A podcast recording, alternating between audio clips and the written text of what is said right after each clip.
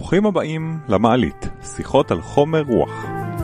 בפרק השני על פטריות, הבנו עד כמה פטריות יכולות להציל את העולם. מפיקים מהם תרופות, הן מפרקות חומרים מזהמים, משלבים אותם בחומרי בנייה, ויש להם יכולות הישרדות יוצאות דופן. אבל מה האינטרס של חלק מהפטריות להיות פסיכואקטיביות? ומדוע הם הוצאו מחוץ לחוק? כדי לברר את כל אלה ועוד הזמנו למעלית שני מומחים. האחת, מאיה גינצבורג, לקטית ומדריכת פטריות, והשני, גיא בן צבי, חוקר תודעה, יזם ואוטודידקט בעל ידע רב. אז לגלות את הסוף? טוב. בסוף קיבלנו החלטה שלא כדאי שנכניס פטריות פסיכואקטיביות למעלית. תודה למאיה ולגיא על רוחב היריעה שפרסו בפנינו. האזנה נעימה. אני רוצה קודם כל מעולם הרפואה לספר לכם שחלק גדול מאוד מהרפואה המודרנית היא מבוססת פטריות. החל מאותו פניצילין, שאתה יכול לייצר אותו לבד בבית אם uh, תיתן לפירות פשוט, uh, תיתן ללחם או לפירות להירקב, סיכוי טוב שהפטריה שתצמח שם ותהיה, תהפוך את התפוז הזה לאפור כזה ובסוף הוא ירקרק. סיכוי טוב שזה פטריה שמייצרת פניצילין. אפילו ראו בסרט שיש חייל שיש לו פצע ביד, אז הוא לוקח לחם, לחם אה, עבש, כן. ושם את זה על היד כדי שהפטריה תגן לו על הזיהום. נכון, עכשיו, יש עוד הרבה מאוד תרופות אחרות, תרופות לסוכרת, תרופה שהיא בעצם רעל לכולסטרול. מה זה התרופה לכולסטרול שנקראת סטטין? זה איזשהו חומר שמייצרות פטריות כדי להרוג את המכרסמים שהם יונקים שאוכלים אותה, כדי ש... בעצם כדי שהם ימותו והיא תוכל לאכול אותם. זה בעצם מין תרגיל כזה. משם הפיקו את הסטטינים. עכשיו, להוריד כולסטרול זה דבר רע, כי כולסטרול הוא טוב. אבל לא משנה, יש היום תרופה שנקראת בעשרות מיליארדי דולרים בשנה, סטטינים להורדת כולסטרול. זה חומר שפטריה ייצרה כחומר רעל נגד מכרסמים שאוכלים אותה, בעצם לא נגד, זה חומר ציד, זה לצוד אותם, זה משתק אותם. אז יש uh, הרבה מאוד תרופות, ועולם המדע שלנו משתמש בהרבה מאוד תוצרים של פטריות. ניצלנו את זה לס... ל... ל... לטובתנו, מה שאנחנו קוראים לו לטובתנו.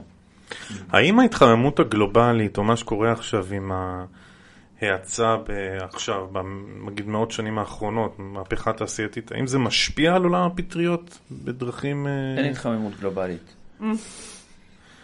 כן, דני, אתה. מביא פה... מה פיקציה? יש לך... זה יש- נעשה מעלית אחרת. כל עשר שנים יש לך עלייה של... אה, בסדר, כמו בבית שלך, פעם חם יותר, פעם. קר יותר, מספיק עם הסיפור הזה. ההתחממות, ההתחממות פיזית ב-30-40 שנה האחרונות היא הרבה הרבה פחות ממה שהם צפו במודלים המטופשים שלהם. היא פשוט פחות. כן, אבל יש זנים שנכחדים, גיא. השמש לא קשור, זנים ו- נכחדים תמיד. זנים נכחדים. אז אני שואל על הפטריות, אם מי יש התחיל את משהו... המגה פאונה באוסטרליה? כשהגיעו לשם האבוריג'ין לפני 50 אלף שנה, אוסטרליה הייתה טיימינג with wild beast, עם חיות ענקיות. אוסטרלים, האבוריג'ינים תוך עשרת אלפים שנה, הכחידו שם הכל. אין סוף. אני. שואל אבל אם, אם יש לזה השפעה, אם הפטריות מושפעות מהשינויים שאנחנו חווים בעקבות התיעוש וההתפתחות הטכנולוגית ומהלכים ש, של אה, זיהום אוויר וכאלה הפטרי- דברים. הפטריות, ובייחוד במופע של הפטריות כ- כאורגניזם סימביוטי עם אצות ובקטריות, הם הדבר הכי עמיד שיש, והם יכולים לחיות, ב- הם extremophiles, הם יודעים לחיות בחום מטורף, יודעים לחיות בחלל, שולחים אותם לחלל, ש- חושפים אותם לוואקום בחלל ומחזירים אותם לכדור הארץ, מוסיפים להם מים ומתחילים לחיות עוד פעם. יאללה. זה, זה, זה עמיד בצורה פנטסטית, אה, יש בסרט על הנפט, נכון? הם מראים את כן. הקטע עם הנפט. כן, כן. ש, שאם נשפך לך נפט, בתוך במקום הים. לשפוך על זה סבון, שזה ממיס את הנפט וכימיקלים שמרעילים את כולם, תן לפטריות לגדול על זה, ותוך כמה שנים אין לך, זה, זה הופך להיות סוכר. הם לוקחים את הנפט והופכים אז יכול להיות. שהפטריות שרדו את ההכחדות שהיו פה בכדור הארץ? ברור, ברור שכן. לגמרי. אומרים שכן. הן קיימות הרבה לפני... בקיצור, יש פה איזה מנגנון, חביבי, שלפנינו ואחרינו. זה כבר עובר לספר אחר שלא הבאתי לכם הפעם, שנקרא גאיה. מכירה את הספר גאיה? כן, אבל גם במייסיליום ראנינג הוא מדבר על זה. איפה? במייסיליום ראנינג, ב... זה אני לא הספר מכיר. שפרסם את פול סטמץ. לא, זה אין לי הוא את הספר How הזה. Mushrooms Can Save the World. אז את מציעה שאני אקרא את הספר? זה ה- זה מעניין. ה- הנה, הנה, אז מאיה. מאיה, תני לנו תקציר. בוא תצילי את מה, העולם. מה התלהב? How mushrooms, אנחנו באים להציל את How העולם. mushrooms can save the world, פה שלא פטריה. כי דני נתלהב חשב מזה. שאנחנו עם. הוא חשב שאנחנו גורמים להתחממות גלובלית, כי הוא הקשיב יותר מדי לתוכניות בערוץ 12, ואחר כך הוא אמר, הוא אז אנחנו. הורגים את הפטריות ואז נמות. עכשיו תסביר לו שזה הפוך הולך. או, או, זה אלה התפחות שאנחנו אוהבים. כל, אני לא אה, מכירה התחממות גלובלית, אני מכירה שינויי אקלים. ואני עוד לא כופרת בעמדה הזו, וזה מעניין לשמוע איך, איך כן כופרים בה. ואין שום ספק. שהפטריות נפגעות ברמה כזו או אחרת מהשינויים, ב... מהשינויים בכדור הארץ, אבל זה לא אומר שזה יכחיד אותם. וזו נקודה מאוד משמעותית כשאנחנו, גם כשאנחנו מדברים על פטריות וגם כשאנחנו מדברים על הכחדה של כדור הארץ, אנחנו לא מכחידים את הפטריות או את כדור הארץ, אנחנו מכחידים את המין האנושי. הפטריות כבר שרדו וישרדו והכל יהיה ממש ממש בסדר. איך אנחנו יכולים להשתמש, אם, נניח מחר מחליטים שרוצים להציל את כדור הארץ ולהציל את בני האדם על כדור הארץ ואיך שואלים איך להשתמש בפטריות כדי לעשות את זה, אז יש המון המון דרכים לעשות את זה. אני חושבת שקצרה היריעה מלהכיל. אה, פטריות כ... למש... למחלקת המפרקים בטבע, יש להם יכולת לפרק חומרים מזהמים, שאנחנו כמין אנושי עוד לא הבנו איך מפרקים אותם. לדוגמה, דיברנו. עכשיו על נפט, אה, ופה סטמץ עשה רשימה, שורה של מחקרים, והוא מפרט את זה בספר, אה, איך פטריות יכולות להציל את העולם, על טיהור מים ועל אה, בנייה, אני לא יודעת אם אתם מכירים את זה שמפטריות יוצרים כל מיני חומרי בניין, ברור, חומרי בנייה. בונות- הן עושות את ה scaffolding, את הרשת שאחר כך היא הופכת להיות השלד של המבנה. יש טכ, טכניקה, טכנולוגיה של פיתוח לבנים, לבנייה של כן. בתים ממיצליום של פטריות ושל אה, ייצור של רהיטים. לדוגמה, אז איך זה שאנחנו, העולם הופך, הולך ומזדהם, ויש לנו פלסטיקים וזה, ולא נותנים לפטריות, לא משך, כאילו מחזיקים אותם בכלובים, את כן, הפטריות. אל ת- אל תצאו, אל תצאו פטריות. כן, כן, מה זה, איך לא שומרים את הפטריות אני- על כל ה... אני אגיד לך מה התיאוריה שלי, לא תיאוריה, עוד השערה, אזהרת השערה. המוח, ה mind וה consciousness של הפטריות הוא הרבה הרבה יותר איטי משלנו.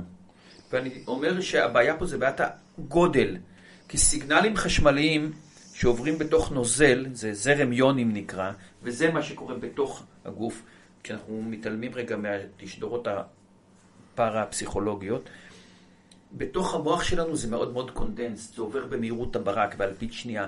מה שקורה באלפית שנייה בתוך המוח שלנו, במוח של הפטריה קורה במשך דקות או שעות. הרבה הרבה יותר לאט. ה-decision making שלהם, וכל ההתנהגות שלהם, היא מראה על decision making, לקבל החלטות, ולא סתם לבדוק את עצמך. פניתי ימינה במבוך וגיליתי שיש פה קיר והאוכל לא נמצא פה, אני חוזר למקום אחר. כל הדבר פשוט לוקח המון המון זמן. הפטריות עדיין לא הצליחו להגיב לקצב המאוד מאוד מהיר שבו אנחנו מזיקים לסביבה שלנו. הם פשוט לא הגיבו מספיק מהר. אנחנו רוצים שזה יקרה תוך עשור.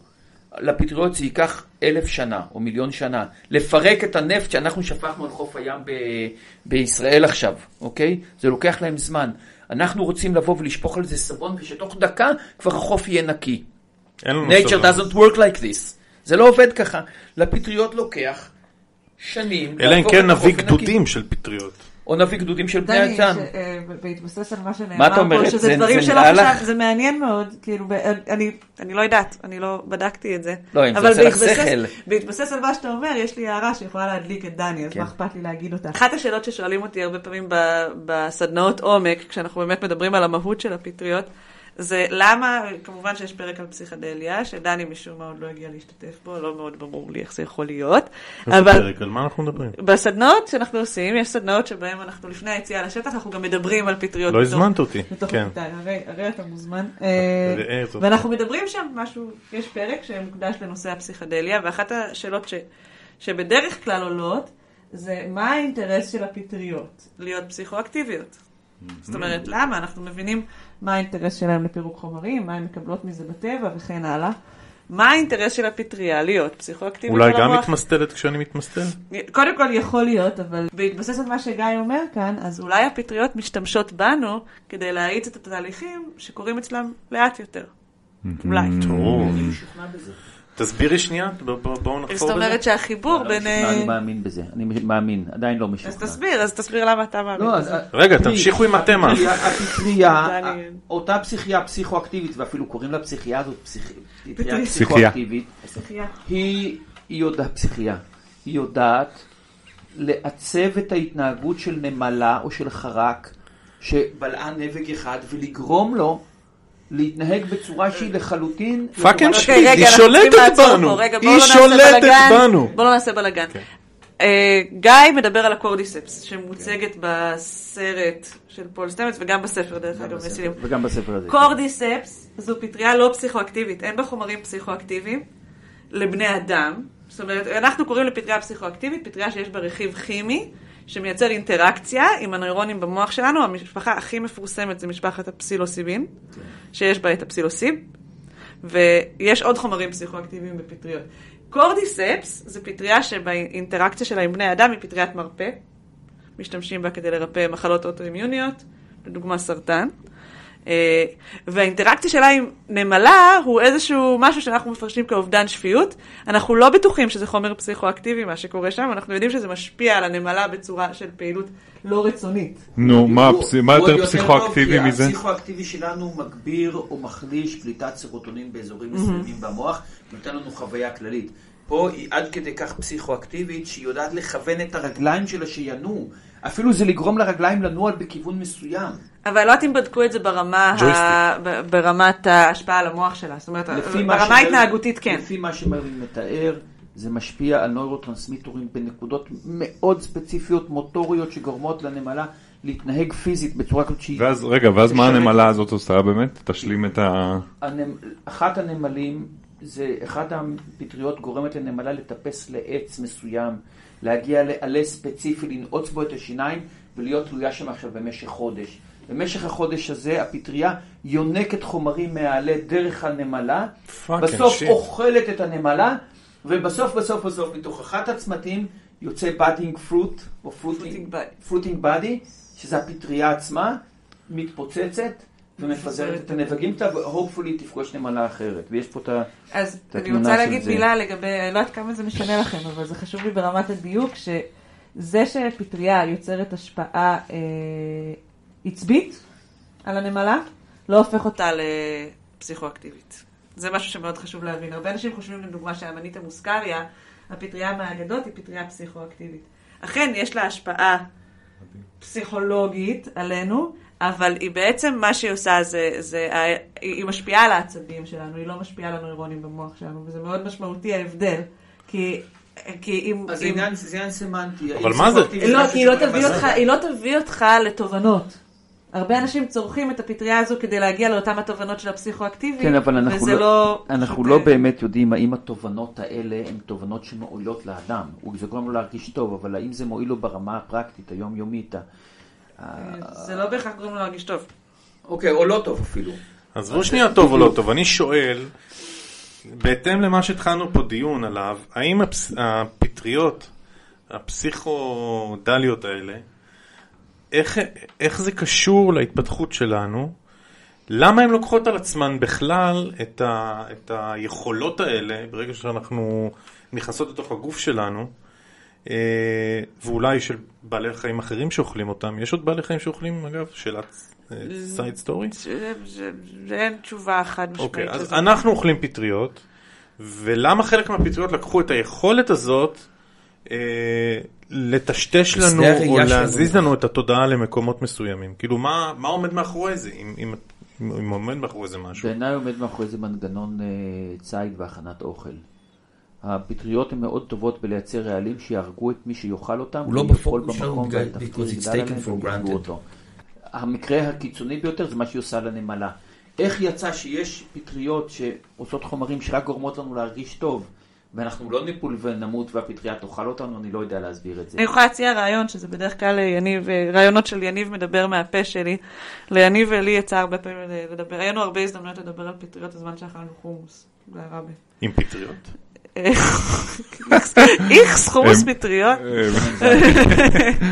אה, לא, כי הם- מהקופסה שם, הם לא מוכנים להיפרד מהקופסה.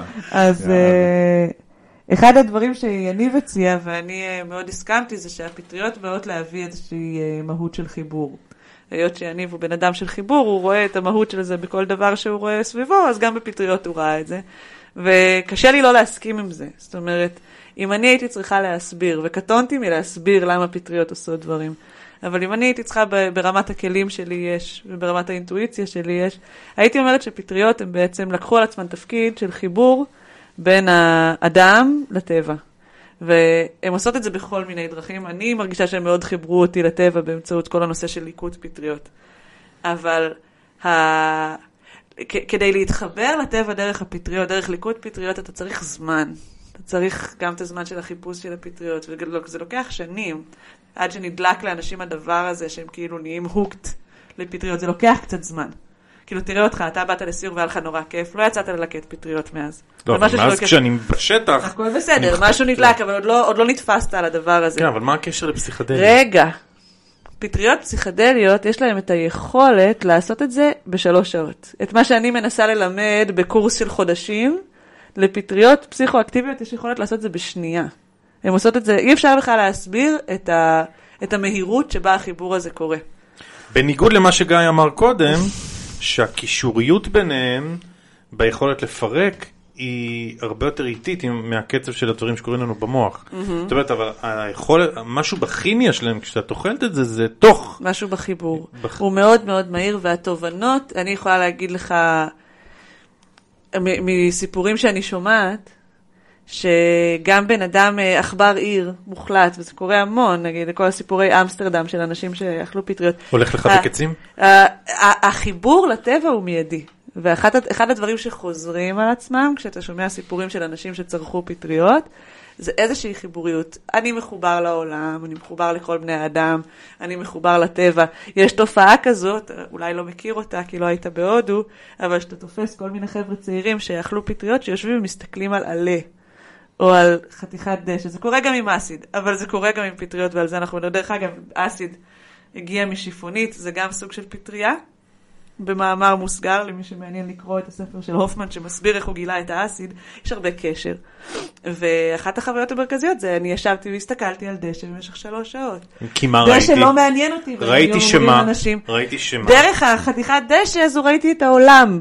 זה מה שאנשים מתארים, זה מה שאנשים מספרים. זאת אומרת, זה יכולת חיבור של אדם לטבע שהיא מעבר למה שאנחנו יכולים לעשות עם התודעה היומיומית שלנו. כפרה עליכם!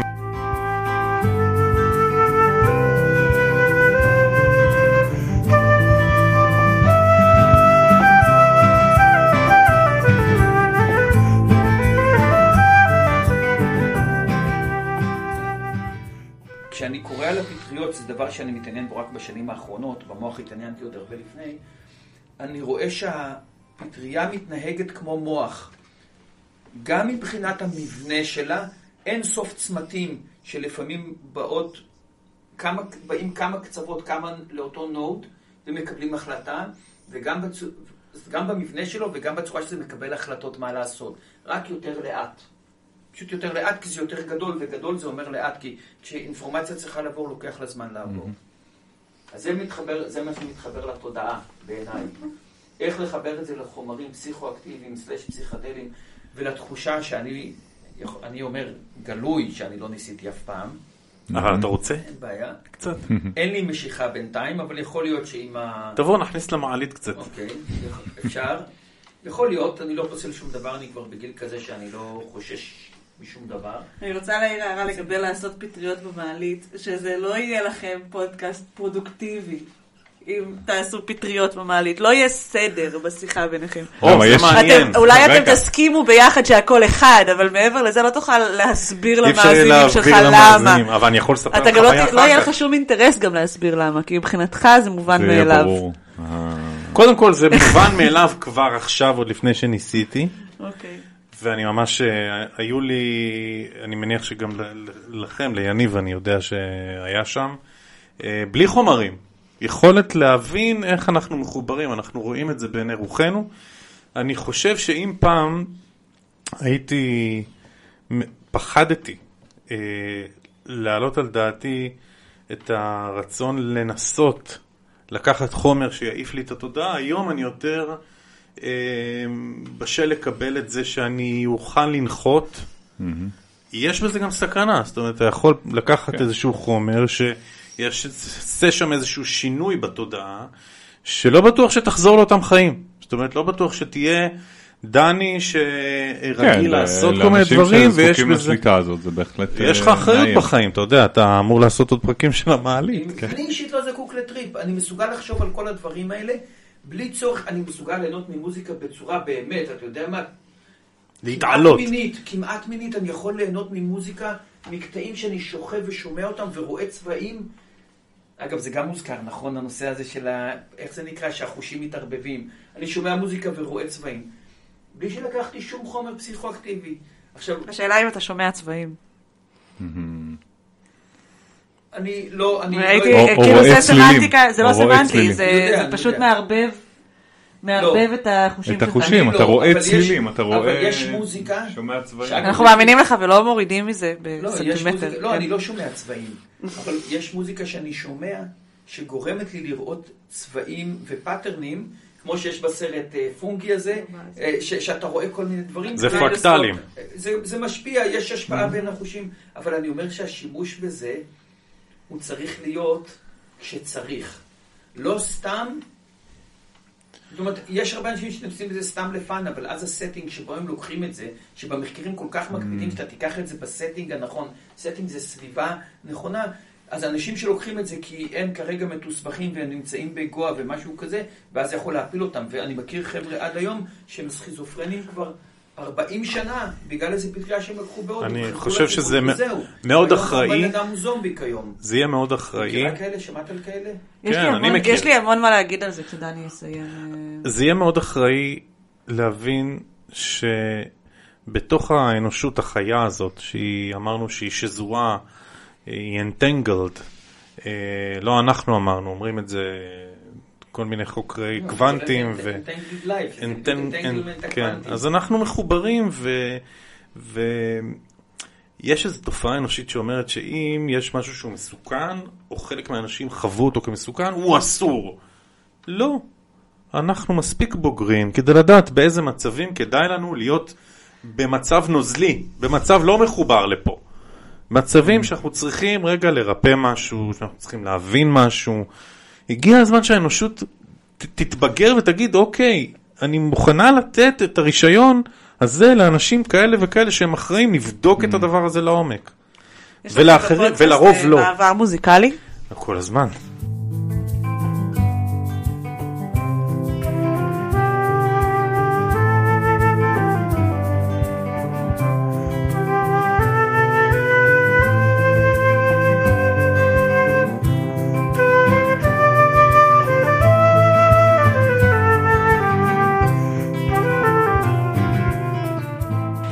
יש משהו מוזר בסיטואציה של לשבת ארבעה אנשים ולדבר על פטריות פסיכואקטיביות, כשלא כולם התנסו בחוויה הפסיכואקטיבית. מה זה לא כולם? הרוב פה סחי בלטה. נניח כולם, נניח שכולם, אה, אם- את- שואלים ברמה את כמו החוקית. הפטריות, משאירה איזה מעורפל. אה, לא- ו- לא לא נדע. שמעתי ממישהו ש... אה, אז כאילו יש משהו בפטריות, בחוויה הפסיכואקטיבית, שאין מה לעשות, אין איך להבין אותה בלי לחוות אותה. בגלל זה היא החוויה הפסיכואקטיבית ולא התיאוריה הפסיכואקטיבית. אבל את זה אני אשים במאמר מוסגר, ואתם תעשו עם זה מה שאתם רוצים. כאילו, זו סיטואציה קצת מצחיקה, מה שאנחנו עושים פה. מתנשאת אולי- עלינו כאילו. אולי ניפגש עוד עשר שנים, אחרי שתשמעו? את הפיץ' הזה ותרוצו להתנסות. זאת אומרת, אחרי עשר שנים, אחרי שאני כבר אמות והפטריות לא. יאכלו אותי, אמרתי בדיוק. רק עכשיו איזה. אז אבל את זה לא, אני שמה אבל במאמר מוסגר. יש לי תיאוריה שחשבתי עליה שסותרת לך את כל העניין עכשיו. וזה שהמעלית היא פטריה. יכול להיות שמעליתי פטריה. ולכן אנחנו אה, עושים את החוויה אה, בו זמנית. אז היו כל מיני נקודות שנגעתם בהן, ש- שלי חשוב, כמי שמתעסקת בתחום הזה, אה, להגיד את דעתי עליהם. נקרא לזה דעתי עליהם, דעתי במה שלמדתי. לא נקרא לזה דעתי המלומדת, כי היא לא מלומדת, זה פשוט הדברים שהספקתי ללמוד. ופטריות בעצם, כל הסיפור של פטריות פסיכואקטיביות והמערב, האינטראקציה של המערב עם פטריות פסיכואקטיביות, כמו שאנחנו מכירים אותו, אה, התחיל איפשהו בשנות החמישים. עם זוג אנתרופולוגים שנסעו מארצות הברית למקסיקו ופגשו שם את התרבות הזאת של פטריות פסיכואקטיביות. הם אה, חזרו לארצות הברית וכתבו מאמר שפורסם בטיים על טקסי המעבר שבהם משתמשים באחד השבטים במקסיקו, בהם משתמשים בפטריות הזיה. או פטריות פסיכואקטיביות, אסור להגיד פטריות הזיה כי זה מתייג, זה לא יפה. נכון.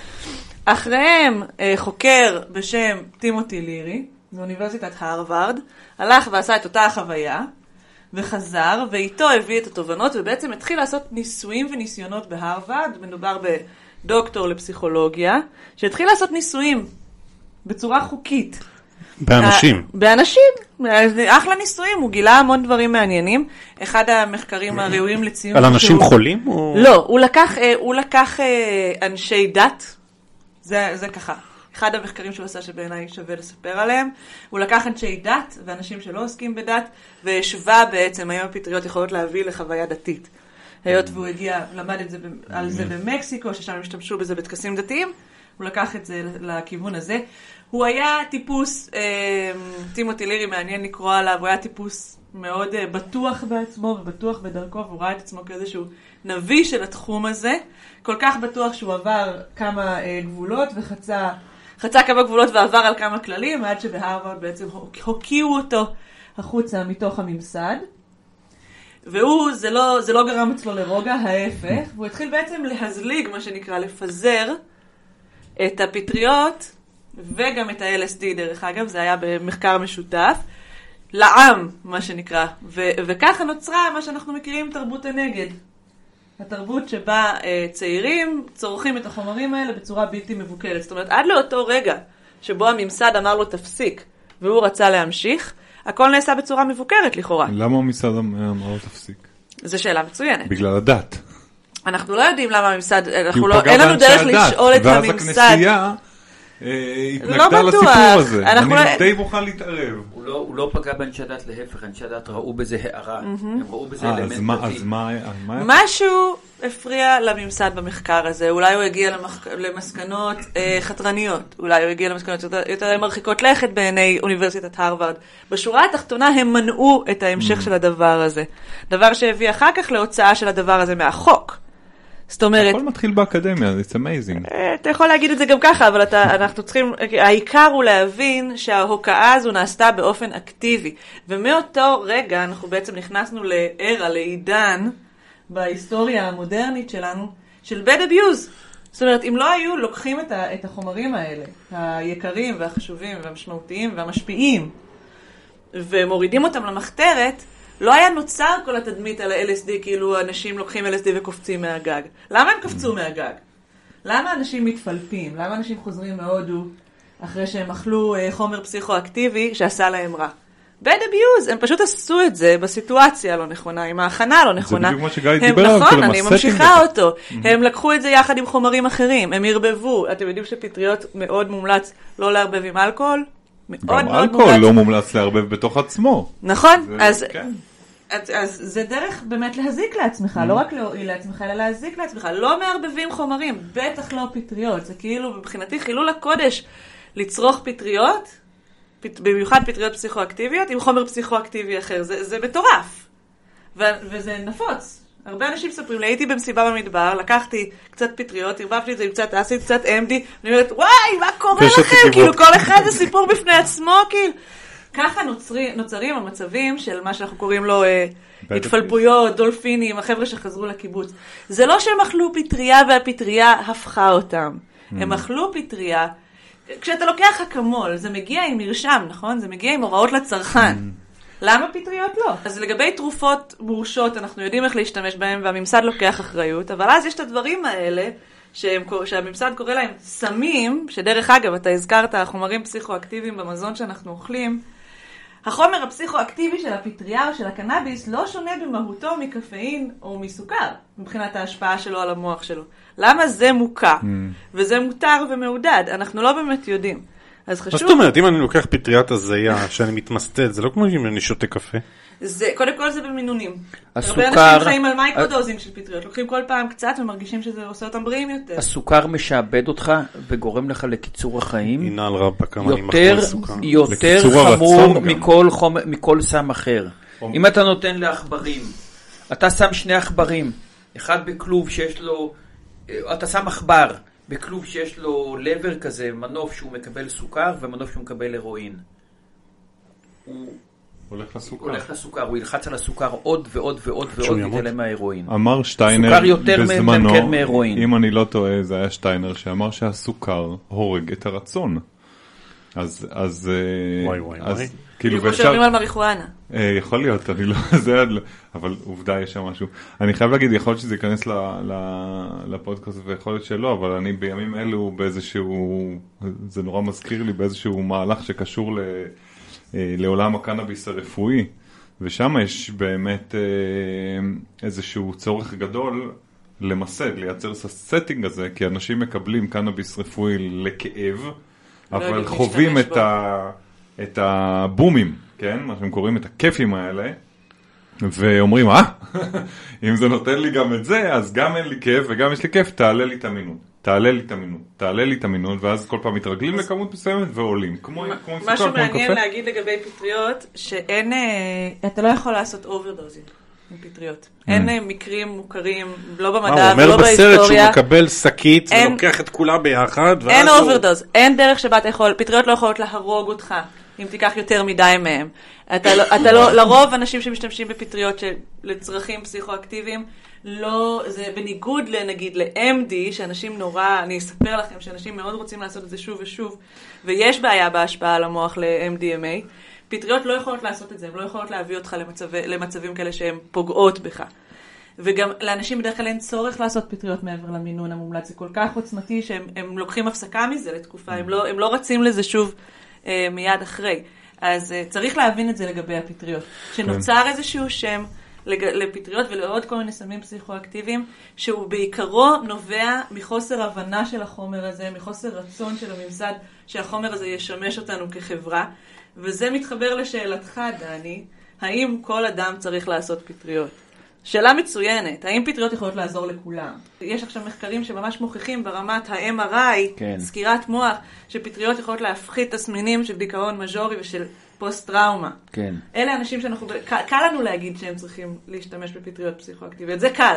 כן. השאלה היא אם אנשים טראומטיים. יניב לצורך העניין שהחיים שלו אמנם דבש ופרפרים ופרחים, אבל תותים. נניח שהם לא, ושהוא פטריות. חווה איזשהו קושי ברמה הרגשית, או שהוא חווה איזשהו קושי ברמה המשפחתית, האם פטריות יכולות לעזור גם לו? האם זה לא איזשהו כלי שאנחנו יכולים להגיד לו, אוקיי, בן אדם, להגיד, אוקיי, בן אדם, כמו במקסיקו, שהם משתמשים בפטריות כדי לטקסי מעבר, לדוגמה בר מצווה. אולי בר מצווה זה זמן נכון לילד, אני לא, חס וחלילה, לא אומרת. רק שואלת. אבל אני שואלת, אולי. טקסי מעבר, אולי לידה, אולי חתונה. גיל רגעים 40? בחיים שבהם אנחנו צריכים, גיל, משבר גיל ה-40 30 זה קלאסי. כבר יורד. כן. אה, אולי יש רגעים בחיים שבהם אנחנו צריכים לא עזרה, אבל איזושהי יציאה מעצמנו, שיכולה לש... להשביח את ההבנה שלנו להמשך החיים שלנו. אין- אולי. אין, אין ספק שזה את- יקרה. זה יקרה, אני אגיד לך למה. לחיטה ולסוכר לקח עשרת אלפים שנה להשתלט עלינו. לפני החקלאות אי אפשר היה לצרוך סוכר בכמות גדולה. היית יכול ללכת וללקט דבש, וזהו, ואין לך יותר דבש. לקח עשרת אלפים שנה. זה של הפטריות לוקח עכשיו מאה שנה להשתלט עלינו ולגרום לנו אה, לצרוך אותם ו- ולהשתמש בכלים שזה נותן, ומה שזה נותן לפטריות, שבסופו של דבר אנשים יגדלו פטריות פסילוסיבין בחממות, וכמו חיטה, זה יהיה נכון. זן שמשתלט הרבה, זה לוקח זמן. האלכוהול פי מיליון יותר רעיל. האלכוהול הורס את המוח, ממש הורס פיזית את המוח, מכנית. האלכוהול ממיס שומנים. את, את, ה, את השותה הרבה אלכוהול זה מפרק לך את המוח. הסוכר גורם לנו להיות סוכרתיים ולהיות חולי לב ולמות אה, בגיל מוקדם ולהשתעבד לסוכר, השמנת יתר וכל החרא הזה בסרטן. פה יש לך חומר שכל ההוכחות מראות, כמו שאת אומרת, בשימוש נבון זה כמו לשים כפית סוכר פעם ביום בקפה. מבחינת הנזק, שזה לא בעיה לשים כפית סוכר. אז it will happen, זה יקרה.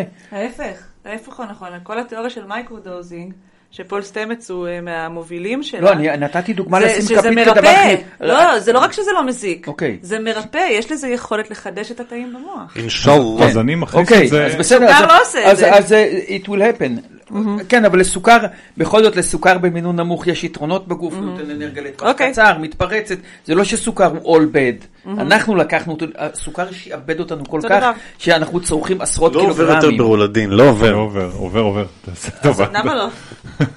אז זה- בשביל זה- מה- לצאת מהבית? אז גיא, אני מתחבר אה, ככה באווירת אה, סיכום כזאת לדברים ש, שאתה אומר, אה, שזה it will happen, כן, השינוי הזה, אה, או, או אה, הגדילה הזאת של, דיברנו כרגע על פטריות כ, כמשהו שיעזור לנו לעבור שינויים.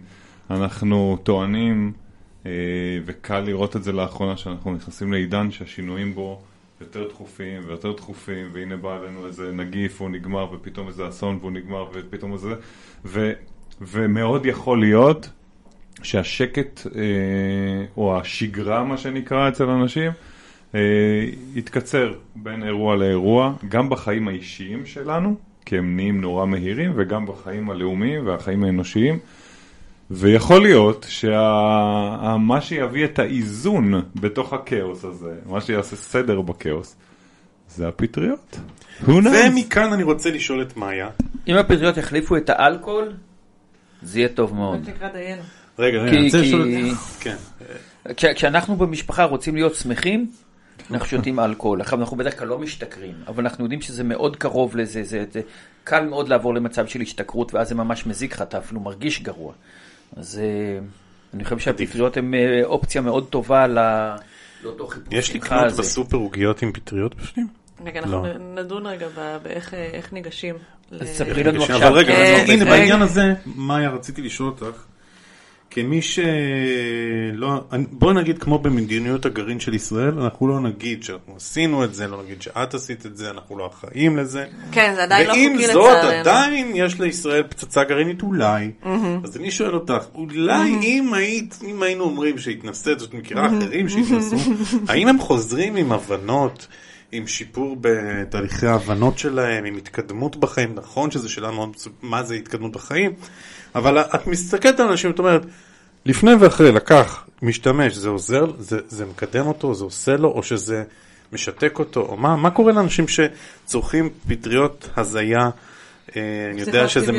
מתייג, אה, פטריות פסיכואקטיביות, אה, מה קורה להם? קודם כל ניסחת את השאלה נורא יפה. מה, מדיניות רוצה הגרעין. של ישראל? אני רוצה להחמיא על ניסוח השאלה. את מבחינתי מדיניות הגרעין. אין, אה, אני- אני אענה על זה בקצרה, כי זה פשוט, ש- תשובה פשוטה. כן. אין דרך, כן, פשוט ככה, אין דרך אה, לחזור אותו דבר. זאת אומרת, מרגע שפגשת את הדבר הזה, משהו השתנה, ברמה כלשהי. אה, הרבה אנשים מתארים שלוקח להם אה, שבועות לחזור משם. זאת אומרת, אתה הולך ואתה חווה את זה, שלוש שעות כולה. כולה שלוש שעות. האפקט פג אחרי שלוש שעות? שלוש שעות נגמר הסיפור, וזה רץ איתך בכל מקום שאתה הולך וביחסים, ופתאום המפגש הבא עם אימא שלך ירגיש לך אחרת, ופתאום היציאה הבאה לטבע וואו. תרגיש לך אחרת, וזה לא יכול, לא, זה לא יכול להיות משהו שולי. אה, אלא אם כן, עשית את זה לא נכון. שזה קורה הרבה. לדוגמה, לא נכון, אני ישר קפצתי שאמרת שאתם במשפחה שותים ביחד. זה פחות משהו שעושים בחברה, אני פחות חושבת שצריך לעשות את זה בחברה. ואם בחברה, אז בהנחיה. ופה אני אה, שנייה קופצת לאיך כן ניתן היום אה, לצרוך אה, פטריות, וגם דרך אגב LSD ו-MDMA במסגרות כאלה ואחרות. אז יש את, את המסגרות הטיפוליות. צריך להתחפש לחולה? רק- כן, בעיקרון כן, לטראומטי? אבל בישראל זה נורא קל, תגיד שיש לך פוסט טראומה. בישראל, בישראל כידוע היא מעוז הפוסט טראומה בעולם. אבל עשו בחברה- בישראל לפני פוסט טראומה עם פסילוסיבין? חברה בשם MAPS, שהמרכז שלה יושב בארצות הברית, אני לא זוכרת איפה, יש להם סניף אחד בהולנד, מעניין למה, וסניף אחד פה. הם עושים ניסויים קליניים, גם בבאר יעקב וגם ברמב"ם, על נפגעי פוסט טראומה. אם אתה מה- רוצה, ומה הממצאים? אה, אני לא יודעת מה הממצאים נכון להיום. זאת אומרת, לא קראתי את, את הדוחות שלהם בש, בשבועיים האחרונים. המחקרים היחידים שהתפרסמו כרגע בשלב זה על אה, טיפול בפוסט טראומה ודיכאון, שהתפרסמו בז'ורנלים הם מארצות הברית, הם לא... אז בארץ לא עושים ניסויים על דיכאון, באר... עד כמה שאני יודעת, בארץ זה עדיין MDMA ופוסט טראומה, עוד אין, עד כמה שאני יודעת, עוד אין ניסויים בפטריות בכלל, אבל אולי דברים השתנו מאז הפעם האחרונה שהתעדכנתי. אה, כן עושים ניסויים ב... גם בלונדון וגם ב... ב... במכון בארצות הברית, איך קוראים לו? לא יודע. לא חשוב. יש אה, מכון בארצות הברית שעושה ניסויים נרחבים בנושא של אה, פסיכולוגיה ו... והפרעות פסיכולוגיות ופטריות ו-MDMA. שם אנשים עם דיכאון מז'ורי. אני יכולה, אני בדקתי את זה, אני יכולה להתנדב למחקר בלונדון כאוכלוסיית אה, ביקורת. אני יכולה לבוא כמי שאין לה גילוי נאות, אני לא סובלת מדיכאון מז'ורי, הייתי שמחה לעזור למחקר, בינתיים היה, בינתיים. לעזור למחקר בתחום הזה. חכי אחרי הלידה. כן, אני אוכל להתנדב שם. אחרי כ- הלילה הראשון. השני אומרים. זה לא אה, דיכאון אני- מז'ורי. אני יכולה להתנדב שם כקבוצת ביקורת. זאת אומרת, אה, לא יודעת אם אני אקבל או לא אקבל, אבל... רגע, אה, עזבי אותי מזה, אני רוצה ללכת לסופר ללכת- ולקנות... לא, אה, ללכת לסופר ולקנות זה קיים באמסטרדם, למרות שגם באמסטרדם היום זה לא חוקי, אבל זה מאוד זמין. זאת אומרת, אתה נוסע לסוף מה שבוע... לא חוקי? אני יכול לאכול פטריות. אתה יכול, זה לא חוקי, זה לא, כן לא, לא באמת חוקי שם. זה כבר לא חוקי, אבל זה. יכול, אתה יכול לעשות את זה, אתה יכול לצאת לקופי שופ, לקנות פטריות, ללכת, לעשות את זה בדרך הנכונה לך. אני ממליצה, לא עם חבורה של חברים, כמו שהרבה אנשים עושים, אלא עם עוד בן אדם אחד שמכיר יותר טוב ממך, שיכול להוביל אותך בתהליך הזה. מאוד מאוד מומלץ ככה לעשות את זה. אה, יש גם באמסטרדם וגם בג'מייקה, שם הפטריות, החומרים האלה הם אה, אה, חוקיים. יש אה, מכוני, אה, אה, מכוני ריטריטים, מכוני סדנאות כאלה, אתה בא לסדנה של חמישה ימים עם עובד סוציאלי ועם אנשים שמובילים אותך בתחום הזה, עם מדריך ואנשים רוחני. עושים את זה בשביל בקבוצה. החוויה או בשביל טיפול במשהו. גם בשביל טיפול וגם בשביל החוויה, לא, לא בודקים אותך לפני שאתה מגיע לשם. גם באמסטרדם וגם בג'מייקה, אתה בא לריטריט, זה עולה המון כסף, אבל זה דרך לגיטימית, חוקית, רפואית, בטוחה לעשות את זה, ואפילו אפשר להגיד מומלצת, זה כמו ללכת לעשות סדנה, רק מה הסדנה הזו? היא סדנה עם פטריות. אה, אז, אז אמרנו, אלכוהול אתם אה, שותים במשפחה, פטריות עדיף לא לעשות במרחבים כאלה חברתיים, כי הרבה פעמים הפטריה תיקח אותך למקום שהוא מאוד עם עצמך, ותייצר אינט, אה, אינטריגות או סיבוכים בינך לבין הסביבה, מה שיכול להוביל לטריפ רע, ואנחנו רוצים להימנע מהחוויה הזו. אז זה לגבי ככה עצות יומיומיות. אבל אין בארץ דרך לעשות את זה חוקי. בארץ המון אנשים מגדלים פסילוסיבין בבית שלהם, זה לא חוקי. לא ברור עד כמה זה לא חוקי, כי בפקודת הסמים המסוכנים בארץ לא כתוב שאסור להחזיק פטריות הזיה, כתוב שרק החומר הפסיכואקטיבי, הפסילוסין והפסילוסיבין הם לא חוקיים, אז הגבול קצת מטושטש, עדיין זה לא חוקי. להחזיק פטריות אה, כאלה בבית זה לא חוקי, לגדל פטריות כאלה בבית זה לא חוקי, לסחור בהם בטח ובטח, וגם לקנות זה לא חוקי, וגם מאוד מאוד יקר. זה לא חוקי וזה אסור? אסור. זאת אומרת, זה פקודת הסמים? אז זה אומר שאם אה, שוטר עוצר אותך עם החומר הזה עליך, הוא יכול לעצור אותך, יכול לשפוט אותך מעל אה, כמות מסוימת. אני לא מתעסקת עם זה. אני יכולה להגיד לכם באופן אישי, כמי שמתעסקת בפטריות ואוהבת פטריות, ויש לי אתר בתחום של הפטריות, אני. ממש ממש נמנעת מלהתעסק בזה. אני רוצה לשאול אותך, אפשר ללקט בטבע פסי- פ- פ- כן, שהן לא גדלות בארץ. לא בארץ. לא לא שאני יודעת להגיד, אה, אנשים מדברים על זה, אני לא שמעתי מישהו ממקור ראשון שהלך וליקט אותם בטבע, על כן אני אומרת. אם היית רואה פטריה כזאת, היית יודעת לזהות אותה?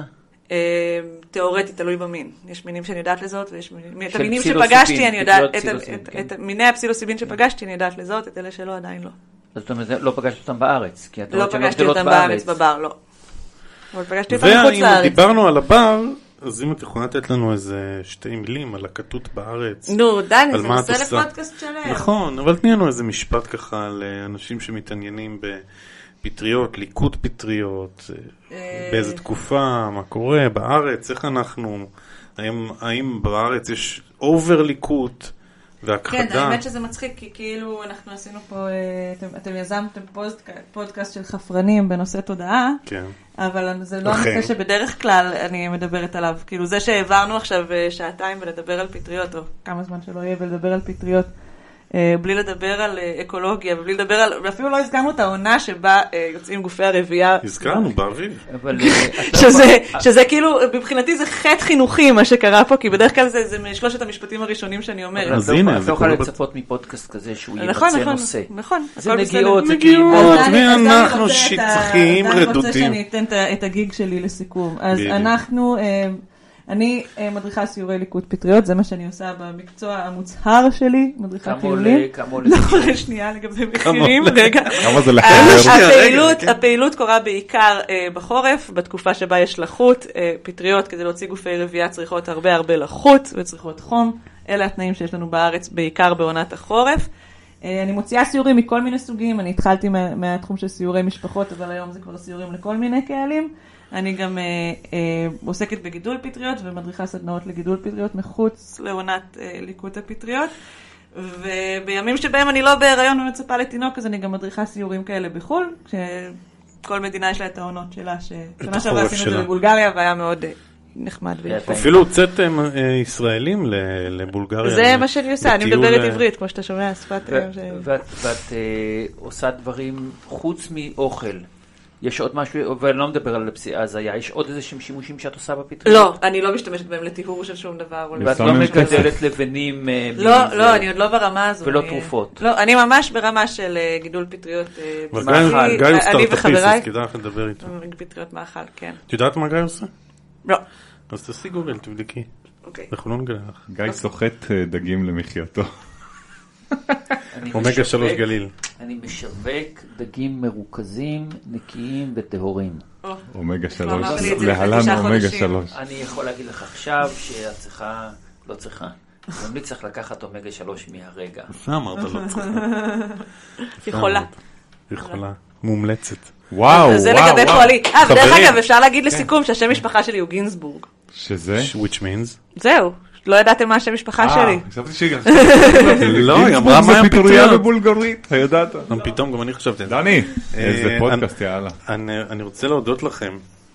אני רוצה להודות על ההיכרות עם מאיה, ליניב קודם כל, שקישר בינינו. אני רוצה יניב הוא כמו. רשת של פטריות, הוא כאילו, פטריה. הוא שולח סינפסות לכל המרחב. פינית מבאישה. ורוצה להודות על פטריה לגיא. כזאת? נוראית. אני רוצה להודות לגיא שדפק על, אה, כפת- לחץ כפתור במעלית ואמר חבר'ה, פרק על פטריות, אני חושב שיש לנו פה אוצר. תת קרקע של הפטריות. בדיוק. נכנסת תת קרקע, הרבה קומות, והיה כיף גדול, ותודה שבאתם.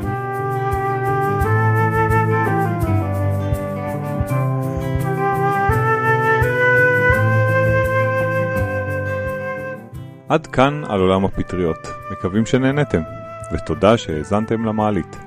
תוכלו לשמוע אותנו באפליקציות השמע השונות ספוטיפיי, אייטיונס, יוטיוב ועוד, וכמובן גם באתר המעלית ובפייסבוק. נשמח לתגובות ודעות, ותודה שהצטרפתם למעלית.